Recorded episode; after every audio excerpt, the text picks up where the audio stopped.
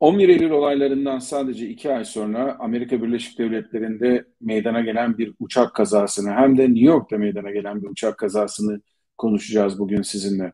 Amerikan Hava Yolları'nın 587 uçuş numaralı Airbus A300-600 tipi uçağı o gün rutin bir uçuşu gerçekleştiriyordu.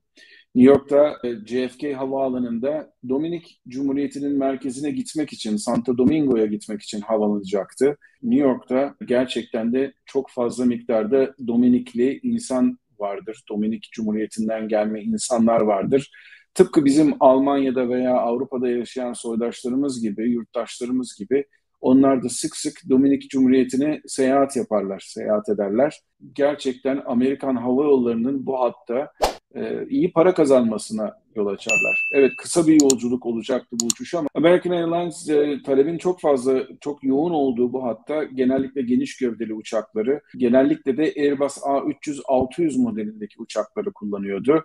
Ve günde birkaç tane seferi vardı bu uçaklarda Dominik Cumhuriyeti'ne American Airlines'ın. Her şey aslında son derece rutin gerçekleşmişti. Normalde JFK havaalanında kalkışların yapıldığı 3-1 sol pistine doğru kat ettiler. 3-1 sol pisti böyle piste oturduğunuz zaman kalkış için burnunuzun ucunda Manhattan'ı ve oradaki gökdelenleri görebileceğiniz bir pist hem bu binalardan ötürü hem de aynı zamanda LaGuardia'ya inen e, trafikten ötürü New York'un önemli meydanlarından bir tanesi. Kalkıştan hemen sonra kalkış prosedüründe sizin sola dönmeniz gerekir. JFK çok e, miktarda uzun menzilli uçuşların yapıldığı bir meydan olduğu için de geniş gövdeli uçakların çok bulunduğu bir meydandır New York'ta. Hatta neredeyse tek başına bütün yükünü kaldırır New York'un uzun mesafeli uçuşlarda. Bunlardan bir tanesi de Air China'nın 747-400'üydü. Bu neden önemli? Çünkü bizim konumuzun geçtiği Airbus 300-600 uçağının önünden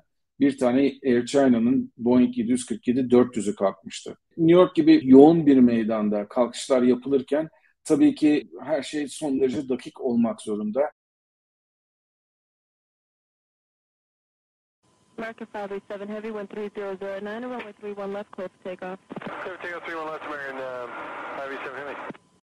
Air China'nın uçağı kalktıktan sonra 3-1 sol pistinden daha sonra sola dönüşünü gerçekleştirip o zaman kullanılan bridge climb, e, şimdi kullanılan Canarsie climb'a benzer bir sidle, bir kalkış prosedürüyle kalkacaklardı. Belli bir irtifaya geçtikten sonra sola dönüşünüzü yapıp daha sonra okyanus üzerine devam edecektiniz. America 587 Heavy, turn left, right at bridge climb. Contact New York departure. Good morning. America 587 Heavy, call.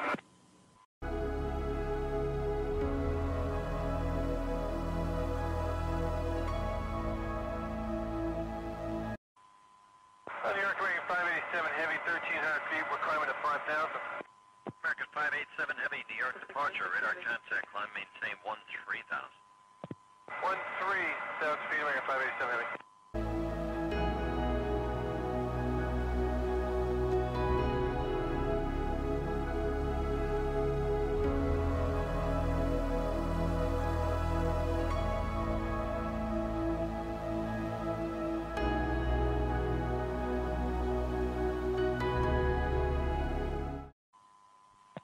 American 587 Heavy, turn left, proceed direct wavy. Direct wavy, American 587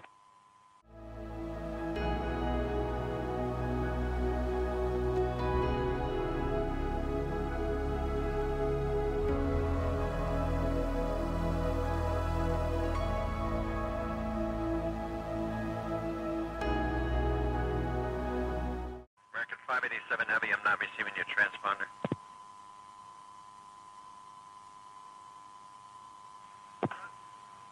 587 Heavy, New York. American 587 New York.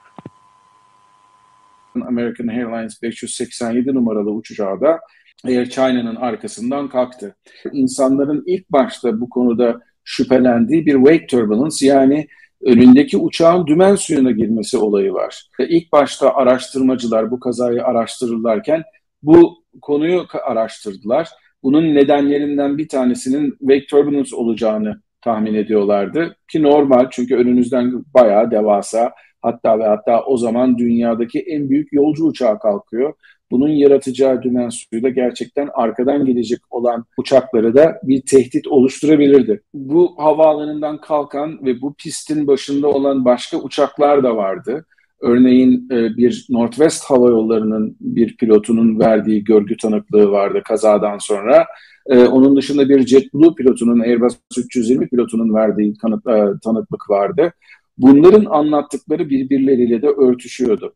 Tabii dediğim gibi bu olay iki ay sonra 11 Eylül'den gerçekleştiği için insanlar ilk tepkileri olarak buna ben de dahildim. E, eyvah diye düşünüyorlardı ama Allah'tan gerçekten öyle olmadığı e, ortaya çıktı. Tabii bunu ölenlerin yakınlarına bir teselli olarak da sunmak mümkün değil. Çok ilginçtir. Ben o sırada Türkiye'deydim. Daha da ilginci. Benim hayatımın ilginç noktalarından biri olan Türk lisansı çevirme işlemleriyle uğraşıyordum. Eskişehir Anadolu Üniversitesi'nde ve o sırada bu haber bize geldiği zaman e, öğleden sonraydı Türkiye saatiyle, New York saatiyle sabah saatlerinde oluyor bu. Ve bizim de ilk korktuğumuz şey arkadaşlarla beraber, çoğu, hepimiz zaten Amerika'dan lisans almış e, kişilerdik. Bir endişeye kapılmıştık. İlk tabii e, canlı yayınlarda anlatılanlar bunun öyle olabileceği şeklindeydi. Pilotlardan bir tanesi ki pilotların görgü tanıklığı diğer insanların görgü tanıklığından çok daha önemli. En azından uçak sistemlerini tanıyorlar. Belli bir süre uçak tırmandıktan sonra uçaktan e, bir ufak bir toz bulutu veya bir duman gibi bir şeyin yükseldiğini, arkasından turuncumsu bir duman çıktığını anlatırlar e, görgü tanıkları ve arkasından da uçağın maalesef düşerek, çakılarak arkasında çok büyük bir simsiyah bir duman bıraktığını söylerler. İşin ilginç tarafı ben bu kaza için araştırma yaparken YouTube'da bu uçağın kalkış rulesini gördüm. O sırada JFK'de taşeron bir firma inşaat işleriyle uğraşırken yanlarında da işte kamera götürmüş bir tanesi. O zamanlar tabii böyle telefonda kameraya çekemiyorsunuz şeyler var. VHS e, kameralar var. Onlara çekiyorsunuz veya hadi bilemediniz 8 milimetrelik ufak kaset olanlar var. Onlardan bir tanesini çekmişler ve hakikaten uçağın kalkışını görüyorsunuz. Daha sonradan da tabii kazayı da bu insanlar gördükleri için uçağın ne yazık ki e, düştükten sonraki yanma dumanlarını da görebiliyorsunuz. Tabii bütün bu bilgiler, bütün bu veriler toplanıyor. TSP başka araştırmalar da yapıyor. Bu kaza için gerçekten çok büyük miktarda da araştırma yapılmış. Bunlardan bir tanesi her kazada olduğu gibi Cockpit Voice Recorder yani CVR, kara kutulardan bir tanesi. Kokpitteki sesleri ve konuşmaları kaydeden kara kutu. Bir de FDR, Flight Data Recorder'ın bulunması olayı var. Flight Data Recorder'da CVR genellikle bütün kazalarda hemen hemen e, aynı miktarda veriyi verirler. Fakat tabii burada çok ilginç bir şey oluyor. Sonradan yapılan araştırmalarda görülüyor ki aslında uçağın düşmesinin en büyük sebebi kuyruğunun kopması. Kuyruğunun kopması sonucunda ne yazık ki uçak unstable hale geliyor ve bunun arkasından da stabilitesini yitirdiği için motorlardan bir tanesi de kopunca FDR yani Flight Data Recorder ne yazık ki kayıt yapmayı bırakıyor. Bunun arkasından CVR yani Cockpit Voice Recorder kokpitteki konuşmaları hala kaydetmeye devam ediyor. Çünkü onun güç ünitesinin aldığı güç e, kaynağı başka bir kaynak. E, hot battery bus dediğimiz artık o kadar da tekniğe girmeyeyim. Bir elektrik sisteminden yani en sonuna kadar bu kaydı yapabilecek bir sistemden geliyor. Ve burada da ne yazık ki kokpitte insanların ne kadar şaşırdıklarını ve e, uçağı kurtulmak kurtarmak için çaba sarf ettiklerini ve bir anda da e, neler olduğunu anlamadan e, gittiklerini görüyorsunuz. Kaza araştırmasında ortaya çıkıyor ki e, bu FDR kayıtlarında da var. Airbus A300-600 aslında Airbus 310-300 ile aynı kuyruk yapısına sahip. Ne yazık ki daha önceden de bir takım uçuşlarda hem Airbus 310-300'lerde hem de Airbus 300-600'lerde bir takım sorunlar yaşadığını ortaya çıkartıyorlar yapılan araştırmalarda. Bunun için gerçekten son derece gelişmiş sistemler de kullanılıyor. Bunlardan bir tanesi de çok ilginç bir yer Silikon Vadisi'nde NASA'nın bir araştırma laboratuvarı var ve bu laboratuvardaki simülatörler dünyada tek örnek.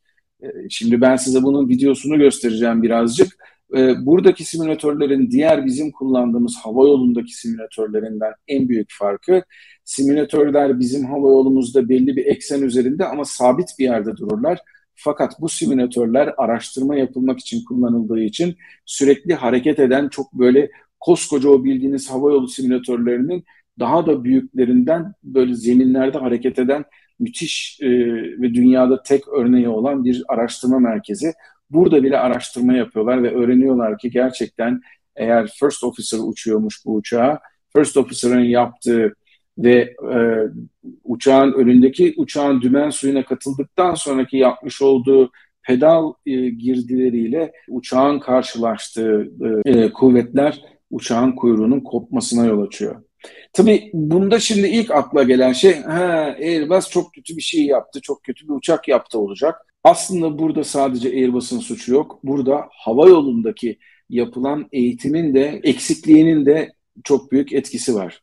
Şimdi biz uçucu personel olarak sürekli olarak gelişen bir ortamda yaşıyoruz. Ama bizim bundan 10 sene önce öğrendiğimiz şeyler belki bugün geçerliliğini yitirmiş olabiliyor. Evet uçakların aerodinamik yapısı değişmiyor belki ama bizim pilot olarak yapmamız gereken bir takım uçuş şekilleri belki daha sonradan yapılan araştırmalarda doğru olmadığı ortaya çıkılıyor veya bunların aslında doğru olduğu ama daha doğrusunun da olduğu ortaya çıkıyor. İşte burada American Airlines'ın, Amerikan Hava Yolları'nın vermiş olduğu Upset Recovery Training yani uçak kötü duruma düştüğü zaman ne yapılması gerektiği konusundaki eğitimin yanlış olduğu ve aslında bu kazaya da bir anlamda yol açtığı ortaya çıkıyor. NTSB raporunu aşağıya yazacağım, bırakacağım. Uzun uzun okumak isterseniz gerçekten çok güzel bir rapor ve bunda çok şeyler öğrendim ben bu e, kaza videosu için okurken. E, keşke bir gün bizim Sivil Havacılık Genel Müdürlüğümüz ve Ulaştırma Bakanlığımız da bu kaza raporlarını bu kadar güzel yayınlasa ve bu kadar bize açık hale getirse de biz de onlardan da bir şeyler öğrenebilsek. Bunun sonucunda tabii Airbus'un e, yapmış olduğu bir takım teknik önlemler var. Bunlar gerek Service Bulletin gerekse de AD, Airworthiness Directive denilen iki tane değişik sistemle e, düzeltilebiliyor. Bunları daha sonraki e, videolarda açıklayacağım bu SP ve AD'lerin ne olduğunu. O yüzden beni izlemeye devam edin. İleriki videolarda bunun ne anlama geldiğini, uçakta yapılan hataların gerek üretim hatalarının gerekse prosedür hatalarının nasıl düzeltildiğini sizlere ayrıntı olarak açıklayacağım. Bu kaza hakkında yapılmış bir sürü air crash investigation filan türünden videolar vesaire var ama ben size bütün dramatize edilmiş şeylerden uzak tam tamına birler ve sıfırlar halinde bir bilgi videosu çekmek istedim bu konuda. Onları da izleyin tabii ki ama beni de izlemeyi unutmayın. Kanala abone olun. E, paylaşmayı unutmayın bu videoyu arkadaşlarınızla. Sorularınız olursa aşağıda yorum olarak bekliyorum. Bir sonraki Kaptan Baha videosunda tekrardan görüşmek üzere. Mutlu kalın, esen kalın ama her şeyden önemlisi sağlıklı kalın. Görüşmek üzere. Bir sonraki YouTube'da bu kazanın uçağının kalkış rulesini görebildim. Görebildim.